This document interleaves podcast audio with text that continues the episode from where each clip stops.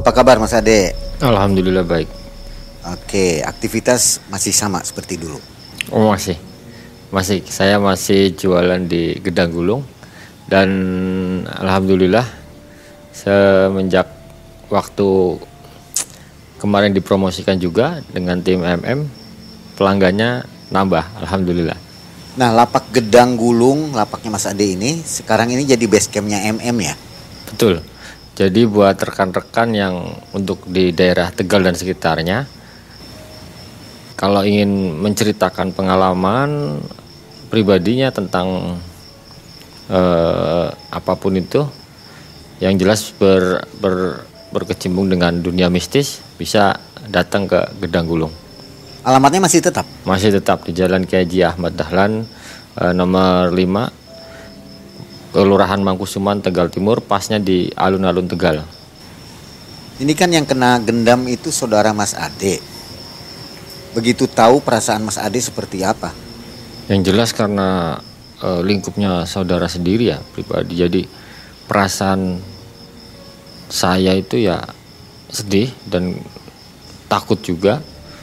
Yang jelas kejadiannya memang sangat mengerikan dan selalu berulang-ulang. Nah, Sobat MM, saatnya kita mendengarkan kisah dari Mas Ade. Jangan skip videonya sampai habis ya. Inilah Mas Ade.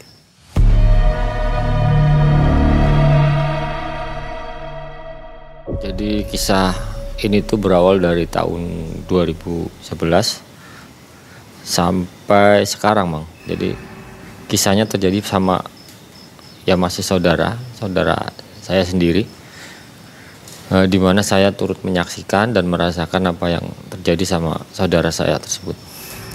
Awalnya dulu saudara saya tuh punya apa? Punya pacar lah ya. Mulai mulai awal-awal kejadian dari saudara saya punya pacar.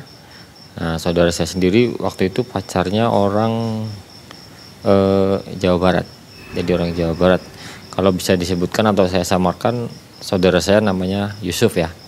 Namanya Yusuf dan pacarnya ini namanya Melati. Jadi bermula itu dari awal pernikahan si Yusuf sama si Melati ini. Di mana pas pertama eh, kegiatan pernikahan ini yaitu ijab kabul ya emang pas ijab kabul itu si Yusuf sama Mbak Melati itu benar-benar diapit sama seluruh anggota keluarga. Dan kejadian awal yang yang bikin keluarga semua kaget itu tiba-tiba pas hijab kabul tuh datang sinar merah. Melintas ke apa seperti kayak mau masuk ke badannya melati gitu kan. Nah di situ pada tanya apa itu sinar apa? itu kan. Nah, kebetulan di situ ada saudaranya Mbak Melati ini yang sedikit ngerti. Jadi dia bilang udah nggak usah pada kaget nanti kita yang ngatasin gitu kan. Nah akhirnya keluarga Yusuf pun intinya udah biarin aja dah. Yang penting ijab kabul ini udah selesai gitu. Setelah ijab kabul selesai terus apa melakukan resepsi di situ. Kejadian lagi pas malamnya. Jadi acara sudah selesai di mana waktu itu si Yusuf itu menceritakan sama saya mas ini kok kenapa ya? Setelah acara resepsi selesai bukannya kita menikmati malam pengantin kita itu tapi yang terjadi malah si melati ini tiba-tiba apa kayak kerasukan itu mang kerasukannya udah bener-bener luar biasa lah.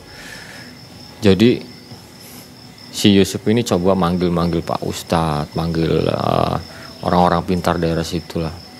Untuk ngobatin si melati ini istrinya. Di situ sempat pertarungan terjadi antara Mbak Melati sama Pak Ustadz di mana batu batu itu ya besar banget lah ya. Batu besar diangkat sama Melati itu untuk dilemparkan ke Pak Ustadz dan alhamdulillahnya Pak Ustadz nggak kenapa-napa cuman yang terjadi seingat saya itu Pak Ustadz tuh bajunya sobek semua di situ karena ulah sama si Melati dan alhamdulillah waktu itu bisa disadarkan dan itu pun sadarnya pas ketika menjelang subuh. Nah kejadian itu berulang-ulang setiap habis maghrib pasti sesuatu terjadi sama Mbak Melati ini. Dan nanti sembuhnya itu ya intinya sadarnya itu ketika menjelang subuh mang.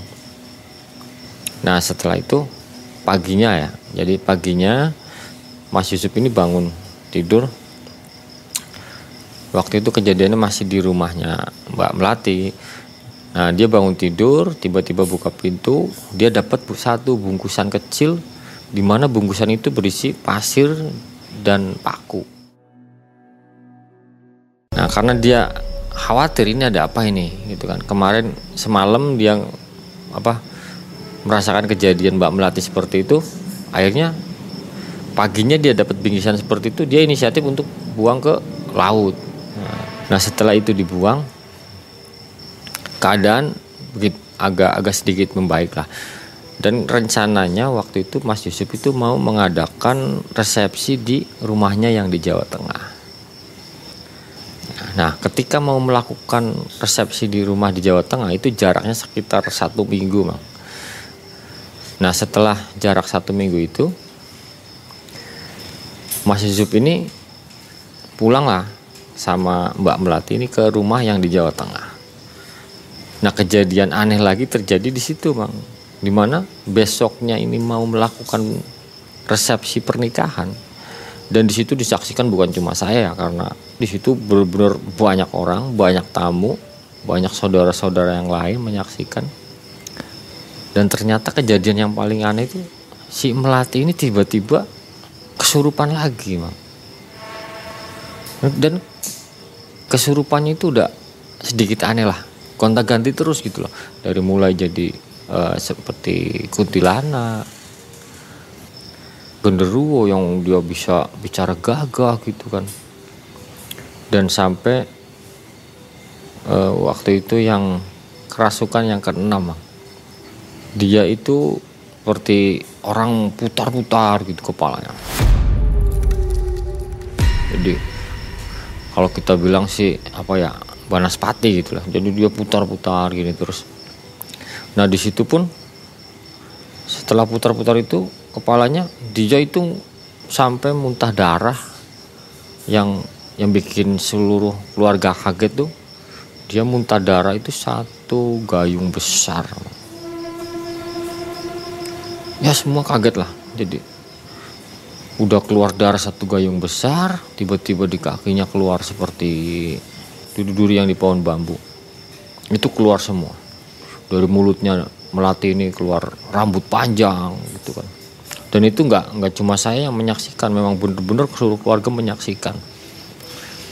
Setelah itu melati ini masih bisa diajak komunikasi. Kita tanyain siapa kamu? gitu kan wah saya memang diutus untuk bunuh si melati ini. Karena seharusnya melati ini bukan sama si Yusuf itu. Jadi harusnya sama majikan saya gitu. Dah terus siapa lagi nanti yang akan datang gitu kan? Wah kita diutus itu waktu itu dia bilang tuh ada 10 bang. Nah yang Banaspati ini yang ke 6 jadi masih ada sisa 4 gitu kan? Nah di situ bilang kalau memang ini kuat nanti akan datang lagi yang lebih hebat dari saya kata dia. Kata si jin itulah. Akhirnya nggak lama kemudian karena yang keenam ini gagal dari yang satu sampai ke enam ini gagal akhirnya yang datang ke sepuluh. Aku pikir wah ini memang bener-bener kalau yang datang sampai yang ke sepuluh berarti ini sistemnya borongan. Jadi ternyata di situ Mbak Melati itu kena gendam dalam arti gendam yang sifatnya borongan bang jadi kalau kita disantet itu cuma sekali. Jadi kalau gendam itu modelnya berarti kita bisa beli borongan satu paket lah. Jadi itu memang benar-benar seketika waktu itu beruntun dan berturut-turut itu. Cuman untungnya kalau pas saya menyaksikan itu nggak nggak sampai 10 ya. Jadi dari mulai 1 sampai ke 6 langsung ke 10. Jadi kita ada jeda tiga lah mungkin. Nah terakhir yang ke 10 itu yang datang itu besar. Semua mungkin orang-orang yang di sekitar situ bisa merasakan juga seperti bunyi kayak orang jalan itu di atas genteng itu seperti orang raksasa jalan dem dem dem dem gitu kan nah tiba-tiba setelah yang pertama itu datang tiba-tiba si melati ini pingsan lagi mak.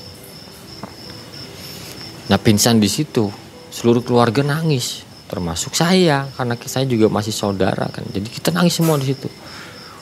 Akhirnya aduh gimana ini sih melati ini kayak gini kayak gini. Akhirnya eh, saudara sama orang tua Yusuf inisiatif manggil orang-orang yang ngerti yang pinter ataupun Pak Kiai lah. Seingat saya waktu itu datang itu sekitar tujuh orang. Dari mulai Pak Kiai, entah itu dukun dan orang pinter lainnya. Itu ada jumlah tujuh orang dan belum ada yang bisa menyembuhkan dalam arti membuat siuman si Mbak Melati ini belum ada. Setelah Mbak Melati pingsan itu tiba-tiba ada suara Mbak Melati ini manggil-manggil Pas posisi itu tidur. Jadi posisi Mbak Melati itu pingsan tidur, di sini dikelilingin sama saudara-saudara semua. Ya. Nah di situ tiba-tiba manggil dan ingin memanggil si Yusuf. Panggillah si Yusuf. Jadi sup sup sini sup gitu kan. Ternyata yang manggil itu bukan uh, rohnya si Melati, melainkan Mbak Melati ini dimasukin oleh roh keluarganya yang sudah nggak ada. Nah di situ apa Mbak Melati itu bilang rohnya yang ada di Mbak Melati itu bilang sup gini kamu doain aja Mbak Melati itu e, bisa kembali lagi. Karena Melati sekarang itu sedang bertarung dengan bangsa seperti itu. Ya dalam tanda kutip bangsa Jim itulah yang sedang menyerang Melati ini. Dan ternyata di situ si apa yang masuk ke Mbak Melati ini ngomong lagi tapi kalau nggak bisa kembali kamu harus ikhlaskan dia.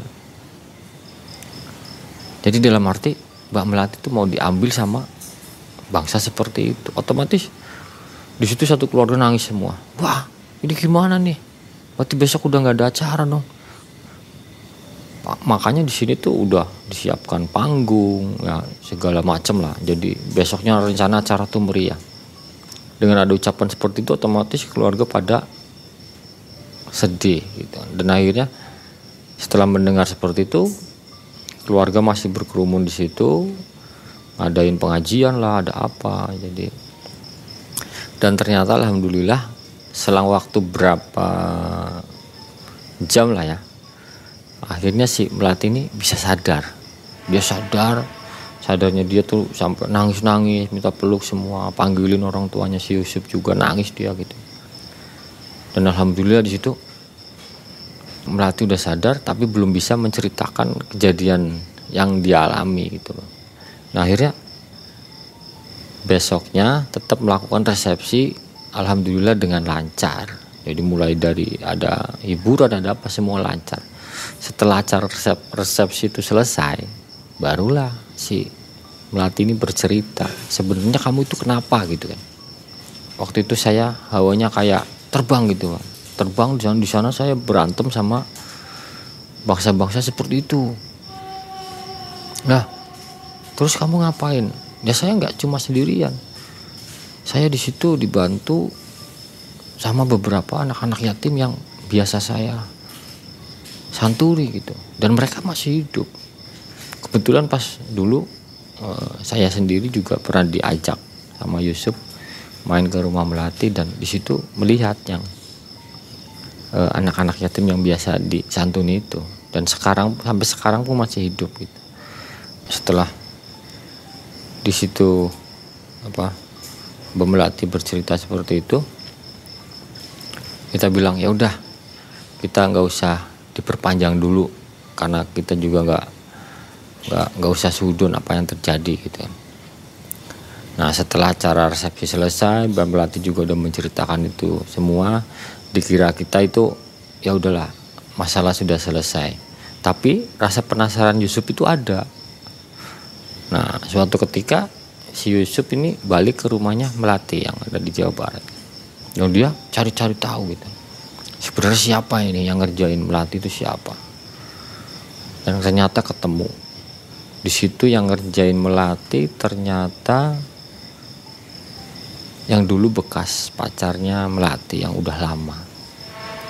Jadi waktu itu tuh si melati ini punya mantan pacar dia tuh sekitar tujuh tahunan lah tapi kalau sama si Yucup ini cuma berjarak ya satu tahun lebih lah. Jadi satu tahun lebih langsung menikah sedangkan yang berjarak tujuh tahun dia tuh belum menikah. Ya kemungkinan dia sakit hati. Tapi nggak cuma di situ ternyata si Yusuf cari tahu lagi ternyata si mantan pacarnya ini itu punya satu saudara atau kerabatnya yang boleh dikatakan orang pintar nah di situ kenapa sampai melati diserang tuh karena kerabatnya itu ngerasa rugi kalau sampai melati itu lepas dari dia gitu. Karena dulu itu puncak kejayaannya si dia itu adanya di tangan si melati itu. Nah di situ Yusuf baru tahu lah dan kaget sebenarnya si melati ini kenapa gitu kan. Dia bisa apa bisa apa. Tapi lama-lama kelamaan ternyata Yusuf sadar bahwa si oh ternyata melati itu ada darah turunan juga dari e, saudaranya atau buyutnya bahwa melati itu agak sedikit bisa melihat seperti itulah makanya di, di disuruh apa ya dalam arti sama mantan pacarnya ini yang dulu sama saudaranya intinya kamu nggak boleh ngelepasin si melati karena ini melati itu bisa membawa rezeki buat mereka lah intinya seperti itu Nah setelah tahu bahwa melati ini udah apa bisa seperti itu. Jadi ketika ada kejadian yang aneh-aneh dia nggak kaget. Setelah kejadian itu, jadi setiap hari itu masih masih kejadian. Tiap hari seperti itu. Dan itu kalau dihitung berjarak sekitar tiga bulan lah. Kejadian itu seperti tiga bulan. Sampai waktu itu saya sama uh, Yusuf juga nganter kan udahlah kita nyoba-nyoba nyari-nyari ke orang pinter atau ke Pak Kiai gitu kan dalam arti buat bikin pagar nih biar melati nggak diapa-apain keluarga Yusuf juga nggak diapa-apain nah setelah itu setelah kita berinisiatif ke orang pinter itu dan alhamdulillah untuk kejadian yang tiap maghrib sampai subuh itu udah nggak terjadi tapi kejadian barunya lagi ketika si Yusuf ini membawa Melati pulang ke rumahnya Yusuf. Nah di situ Yusuf tinggal sama Melati. Jadi datangnya Melati ke daerahnya Yusuf itu benar-benar banyak yang nggak seneng.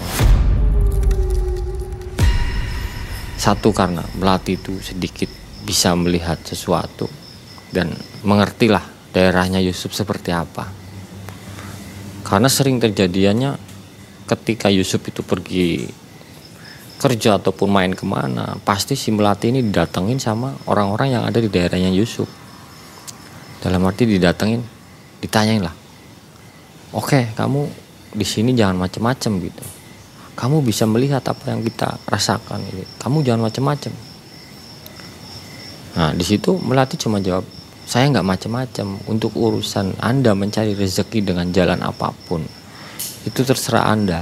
Yang penting jangan mengambil harta ataupun mengganggu keluarga saya gitu. Itu melati bilang seperti itu. Nah dikiranya kan dah itu mah cuma tetangga yang nggak seneng atau apa gitu kan. Akhirnya dibiarkan kehidupannya seperti biasa kehidupan si Yusuf sama Melati seperti biasa. Tapi lama kelamaan e, menjelang setelah jarak sampai ke hampir lima tahunan tiba-tiba kejadian aneh terjadi lagi di situ dalam arti si Yusuf ini ekonominya juga jatuh jadi keluarga Yusuf juga ekonominya jatuh apalagi orang tuanya sering sakit-sakitan. Nah di situ Yusuf itu apa ya penasaran. Kok ada apa ini? Kita sekali sekali jatuh itu bareng-bareng semua gitu loh. Apa yang terjadi sama keluarga kita? Waktu itu Yusuf bilang seperti itu dan ditelusuri lagi telusuri lagi. Ternyata orang tuanya Yusuf tuh pernah pernah juga eh, cari-cari uh, orang pintar gitu kan. Nah orang tuanya Yusuf tuh cerita sama si Yusuf. Yusuf sebenarnya banyak orang nggak seneng sama sama keluarga kita. Jadi kita tuh hati-hati di sini. Banyak yang iri lah karena kita dulu bisa dibilang sukses terus gimana? Ya si Yusuf bilang sama apa keluarganya ya udah kita yang penting jaga-jaga aja di situ. Nah kejadian baru setelah Yusuf tahu bahwa ada yang nggak seneng sama keluarganya, satu Yusuf tetap berjaga-jaga sebisanya dia gitu kan, terus dia nggak nggak nggak mikir apa-apa gitu. Nah kejadian awal terjadi pas orang tuanya Yusuf yang jatuh sakit. Orang tua perempuan Yusuf tuh muntah-muntah. Waktu itu kejadian muntah sampai keluar hitam warnanya hitam nggak tahu apa sampai dibawa ke rumah sakit setelah sembuh baru kejadian si orang tua Yusuf yang laki-laki itu jadi orang tua Yusuf kadang sering jatuh sendiri ntar dibawa ke rumah sakit parah lah pokoknya sering bolak-balik rumah sakit itu bisa dibilang sebulan hampir tiga kali itu. Nah di situ Yusuf mulai berpikir wah ada yang aneh nih sama keluarga saya. Terus ternyata nggak cuma orang tuanya yang kena imbasnya saudara-saudaranya yang lain kena imbasnya. Dari mulai usahanya dari mulai kehidupan apa ya nggak cuma ekonomi lah ya yang ekonomi udah bener-bener jatuh dan kehidupan yang lain itu bener sepertinya mau diambil semua gitu nah itu dari situ Yusuf penasaran sebenarnya apa yang diinginkan dari Eh, orang-orang uh, yang nggak senang ini. Suatu ketika kejadian pas menjelang maghrib itu mau minta makan, makannya yang agak sedikit aneh. Dia minta ayam bakar tapi pas maghrib. Jadi tolong dong beliin ayam bakar maghrib. Nah si Yusuf ini bilang, waduh nanti dong masalahnya ini masih maghrib pak gitu kan. Nanti nunggu habis maghrib. Oh nggak bisa, kamu anak disuruh harus yang nurut gitu kan akhirnya karena Yusuf ingin nurut sama orang tuanya akhirnya dia bergegas pergilah maghrib maghrib jadi sebelum sholat maghrib dia pergi beli ayam bakar itu setelah Yusuf pulang setelah itu dimakanlah ayam bakar itu sama orang tuanya Yusuf. Tapi cuma sedikit. Nah sedikit pun itu dimuntahkan. Nah malam itu seketika setelah dimuntahkan itu ternyata yang dirasakan orang tua Yusuf itu benar-benar katanya kok aku habis makan ini pusing? Palanya pusing. Makannya nggak enak lah. Pengen muntah lah ini ini, ini. Nah, hawa nggak enak datang tuh. Di situ kumpul semua tuh termasuk saya ada ada saudara-saudara yang lain karena kita lagi makan bersama ya. Aslinya makan bersama di situ. Tiba-tiba si melati ini kerasukan lagi. Nah, di situ melati sekali kerasukan dia berdiri sampai di atas meja. Di atas meja berdiri gagah sampai dia tuh teriak-teriak gitu kan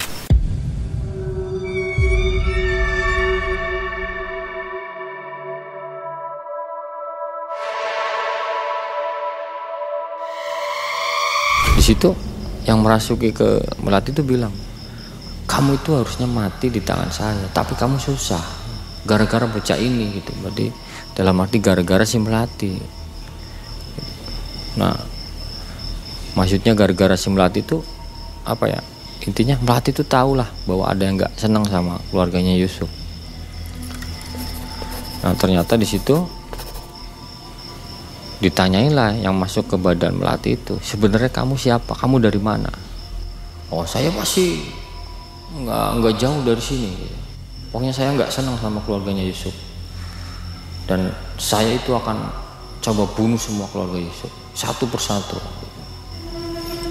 Nah di situ baru tahu si Yusuf ternyata ada orang yang nggak senang sama keluarga Yusuf dan ingin terang-terangan dijadikan semacam tumbal pesugihan. nah di situ. Jadi pengen dihabisi semua satu keluarga Yusuf itu. Itu berawal dari orang tuanya Yusuf. Dan Yusuf pun sadar dari mulai kejadian orang tuanya. Terus yang kedua eh, dia merasakan dari segi usaha udah mulai kolab gitu kan. Terus dari segi apa yang dia punya dulu-dulu itu udah habis semua dijual-jualin. Nah nggak lama kayak gitu terjadilah sama adiknya Yusuf. Jadi Yusuf itu punya adik lagi dan di situ kejadian adiknya itu tiap hari kerasukan tiap hari jadi kerasukannya adiknya Yusuf ini karena adiknya Yusuf kan gadis ya jadi banyak yang senang gitu kan. Jadi kerasukan dalam arti dibikin dibikin dengan orang yang sama itu yang pengen ngancurin keluarganya Yusuf tuh. Wah ini bocah nih biar nggak laku biar apa gitu kan. Jadi kalau kerasukannya itu kadang gimana ya mang? E, badannya tuh kaku jadi nggak bisa digerakin. Sakit bener-bener teriaknya tuh sakit-sakit terus. Jadi sebagai orang tua kan sedih gitu kan. Kenapa nih anak saya ini yang ini nih? Akhirnya di situ orang tuanya Yusuf tuh sama Yusuf sama saya pakai mobil waktu itu. Yuk kita berobatin. Oh, adik kamu Yusuf ke mana? Udah ke mana aja? Kita inisiatif ke waktu itu udah berapa kali tempat lah udah udah pernah semua. Nah di situ sama dengan jawaban yang sama bahwa ada yang nggak suka sama keluarga si Yusuf itu. Jadi kala itu karena orang tua Yusuf masih ada jadi yang menyarankan itu orang tuanya Yusuf. Jadi saya cuma nyupir jadi kebetulan e, waktu itu Yusuf kan nggak bisa nyupir mobil kan waktu itu. Jadi saya yang yang yang nyupirkan. Jadi kalau ke mana-mana pasti saya yang disuruh ayo kita jalan-jalan sama Mas Ade Sup. Ke mana? Ya udah yang anterin nyupir Mas Ade Nah di situ saya berperan mengantarkan, mengantarkan mereka. Dan setelah nyampe ke tempatnya dia tuh ya padahal cuma dikasih air atau apa gitu kan. Malah apa ya bukannya sembuh tapi tetap kejadian itu tuh ke, nimpa ke adiknya Yusuf tuh berulang-ulang terus bang. Sampai suatu saat itu tiba pas orang tuanya Yusuf itu kena serangan yang terakhir dalam arti dia tuh jatuh sakit dia tuh lupa bang jadi kayak dibikin linglung. Jadi dia tuh bener gak inget sama sekali. Itu Yusuf siapa si ini siapa nggak inget lah. Nah, si kaget kan panik dan si seluruh keluarga panik termasuk Yusuf manggil saya di situ. Masa dia tolong dong anterin bapak ke mana uh, kita bawa ke rumah sakit si rumah sakit sini. Jadi di rumah sakit pertama tetap nggak diapa-apain selama tiga jam itu. Akhirnya Yusuf berinisiatif udah Mas Adi tolong anterin ke rumah sakit satunya lagi. Itu kan. Karena di situ orang tuanya Yusuf posisinya posisinya tuh udah nggak inget apa-apa. Jadi akhirnya dibawa ke rumah sakit yang satu lagi. Nah di situ nggak bertahan lama dengan jarak sekitar empat hari akhirnya orang tuanya Yusuf tuh nggak ada. Yang laki-laki itu meninggal. Nah terus dikira si apa Yusuf ini udahlah paling udah selesai acara seperti ini gitu kan. Jadi mudah-mudahan dengan orang tua Yusuf gak ada itu semua yang menimpa ke keluarga Yusuf udah selesai lah. Ternyata tetap jadi di situ masih nyerang terus bang masih nyerang terus masih nyerang terus. Malah hampir suatu ketika itu ada saudaranya Yusuf yang meninggal meninggal dunia gitu. di situ pun satu keluarga Yusuf yang kena fitnah di situ. Wah ini gara-gara keluarga Yusuf nih. Jadi si ini tuh meninggal gitu kan. Di situ sempat kena fitnah juga. Uh, saya uh, coba tenangin Yusuf dah kamu jangan panik jangan uh, jangan kepancing emosi gitu kan. Kamu terima aja. Gitu. kalau orang mau bilang apa bilang apa terserah gitu kan. Nah di situ sempat juga keluarga Yusuf mau difitnah lagi biar keciri wah ini bener-bener keluarga Yusuf yang yang bunuh nih si ini. Waktu itu ada disuruh beli ini beli ini beli ini gitu kan. Udah nanti kamu beli ini taruh di makamnya gitu gitu gitu. Di situ saya sarankan jangan gitu kan janganlah. Jangan mau kalau disuruh ini ini jangan mau.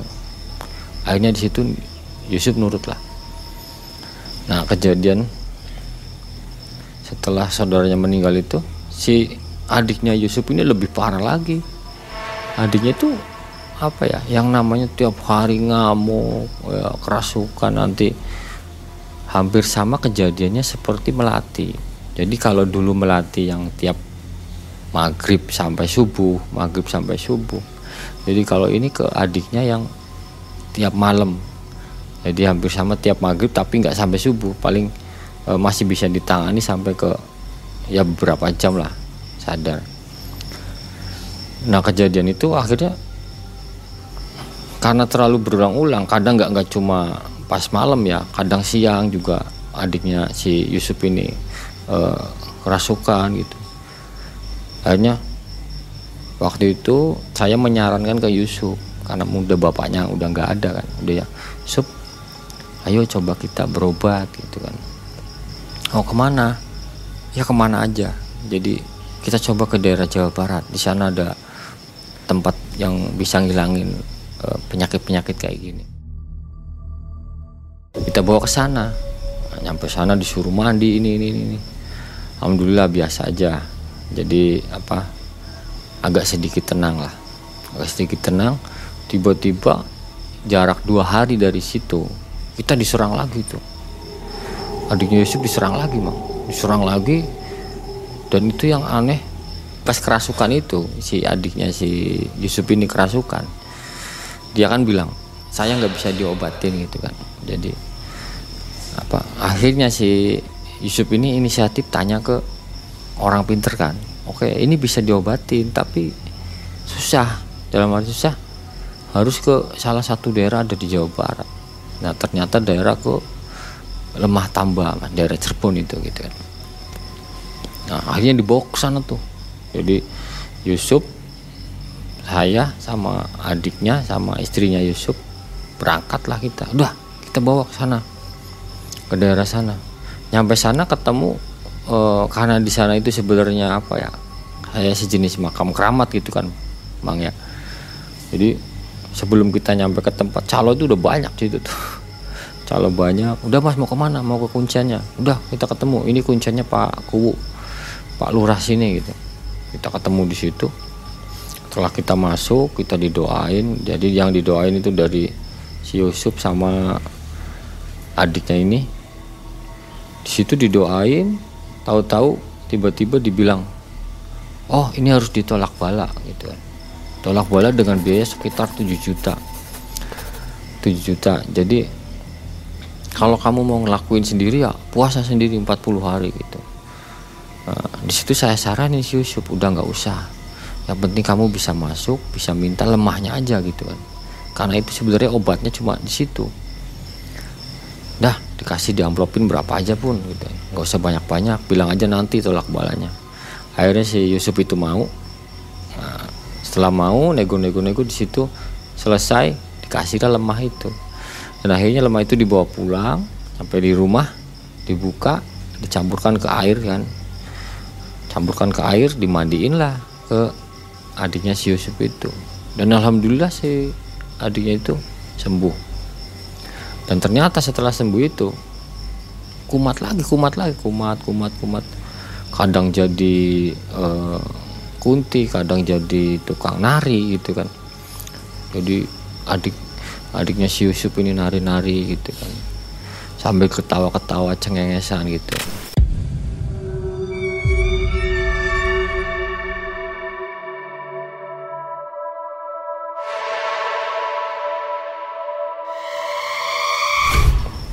Ditanyain lah sebenarnya kamu itu dari mana?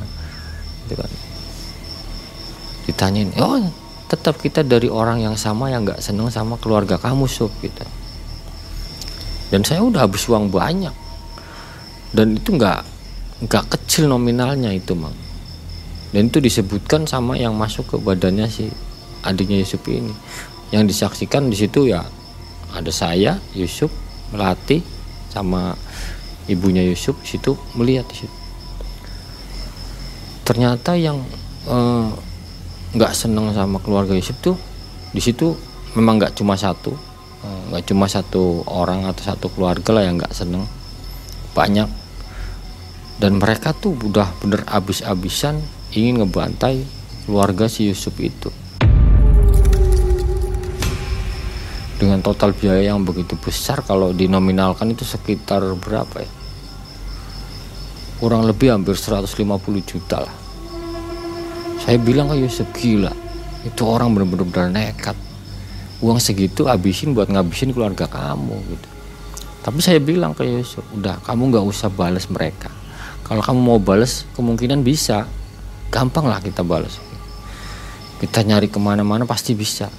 Cuman saya selalu uh, ingetin si Yusuf ini jangan dibalas dengan hal yang sama saya bilang ke Yusuf Yusuf lu tenangin diri aja.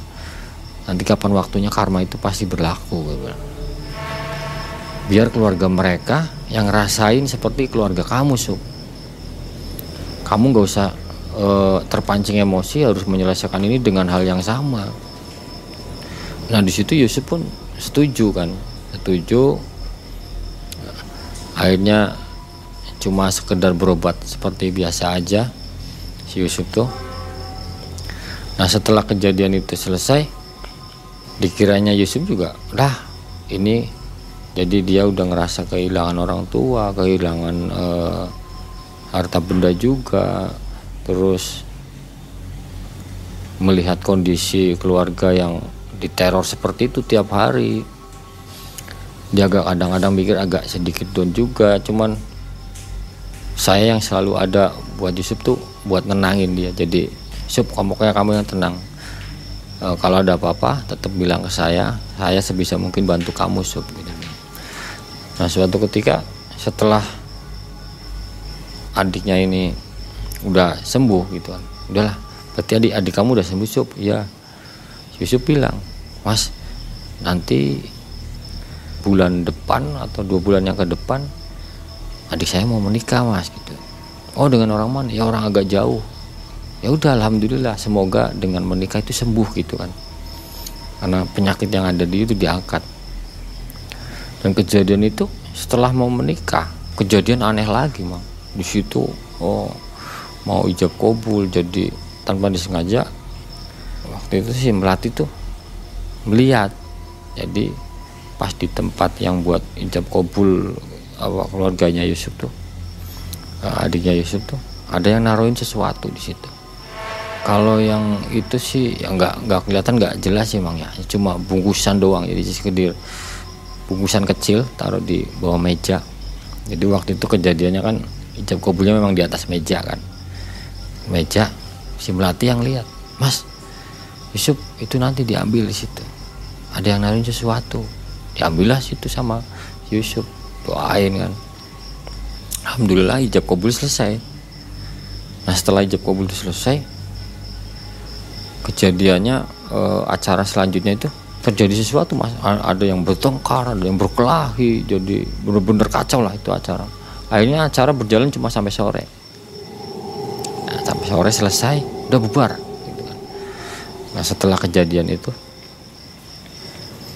kalau yang Yusuf cerita sama saya itu mas ini adik saya sudah menikah jadi udah udah aman lah gitu kan. Udah aman. Jadi ternyata setelah pernikahan itu kejadian yang dialami melati sebelumnya itu dialami sama adiknya Yusuf. Nah, akhirnya di situ ya, si Yusuf ini apa memutuskan udah kita eh, apa ya nyoba ke mana lagi biar adik adiknya dia itu sembuh gitu kan. Nah, waktu itu si Yusuf itu ngantor adiknya untuk berobat lagi karena sering masih sering kumat kan. Diantarlah uh, nyuruh saya itu Sadi tolong dong dianterin saya ke mana uh, ke daerah sana kidul. Ya udah kita obatin sana. Jadi di sana kita melakukan nggak nggak nggak melakukan ritual apa apa sih cuma karena ke Pak Kiai di situ. Kita cuma didoain dikasih air buat mandi sama buat minum doang udah selesai. Nah setelah kejadian itu saya sama si Yusuf ini eh, apa ya nggak lama kemudian kan Yusuf itu berangkat ke Jakarta bang. Nah, berangkat ke Jakarta dia cuma nitip ke saya. Jadi Mas Ade tolong ya saya hari ini mau ke Jakarta. Eh, dan di rumah yang ada cuma adik saya dan melati. Jadi kalau ada apa-apa tolong mas ada yang mantau mereka. Tolong dijaga gitu. Nah, karena amanatnya seperti itu. Dan akhirnya ya kalau mas Yusuf ini pergi bekerja di Jakarta saya tiap hari yang hampir tiap hari lah kita mantau terus. Kadang lewat telepon kadang seminggu sekali main ke rumahnya Yusuf eh, nengokin gitu kan maksudnya barangkali kejadiannya masih terjadi atau nggak ada yang ganggu gitu. Dan alhamdulillah kalau kejadian itu sampai sekarang walaupun masih ada sedikit efeknya tapi nggak nggak begitu parah. Jadi dan akhirnya saya bilang ke Yusuf Yusuf udah kamu fokus dagang apa jualan di Jakarta usaha di Jakarta biar yang di rumah saya yang mantau gitu kan dan saya mantau itu hampir eh, lama tuh sampai sampai sekarang lah bang Badi boleh dibilang sampai sekarang. Dan alhamdulillah dari keluarga Yusuf udah nggak terjadi yang aneh-aneh. Jadi si Yusuf ini udah bisa kerja dengan tenang lah. Jadi si Melati juga udah nggak begitu kejadian aneh-aneh. Si adiknya juga nggak nggak nggak kejadian yang aneh-aneh gitu uh, buat sahabat-sahabat yang lain kalaupun kita kena uh, ataupun di diri kita sendiri ataupun kerabat ataupun keluarga yang terkena gendam dari seseorang mau dijadikan apa pun itu maupun tumbal pesugihan kita nggak boleh balas mereka dengan uh, jenis yang sama gitu. jadi nanti kapan waktunya karma itu pasti berlaku dan apa apa yang mereka kirimkan ke kita, insya Allah pasti balik lagi ke mereka. Gitu. Tahu nggak Mas Ade kondisi orang yang mengirim gendam itu? Gimana kabarnya sekarang? Kalau untuk uh, sekarang ya boleh dibilang tahu lah, tapi kan masih di itulah nggak belum belum bisa dibicarakan gitu karena masih rahasia lah jadinya apa dalam arti belum pantas dibicarakan jadi takut takut salah mang. Sobat Malam Mencekam itulah kisah nyata dari Mas Ade. Semoga menambah info tentang dunia goib ya. Banyak hikmah yang bisa kita ambil dari kisah ini. Dan pesan dari saya, selalu tingkatkan keimanan dan ketakwaan kita kepada Allah Subhanahu wa taala. Mang Ei dan tim undur diri dari Kota Tegal. Assalamualaikum warahmatullahi wabarakatuh.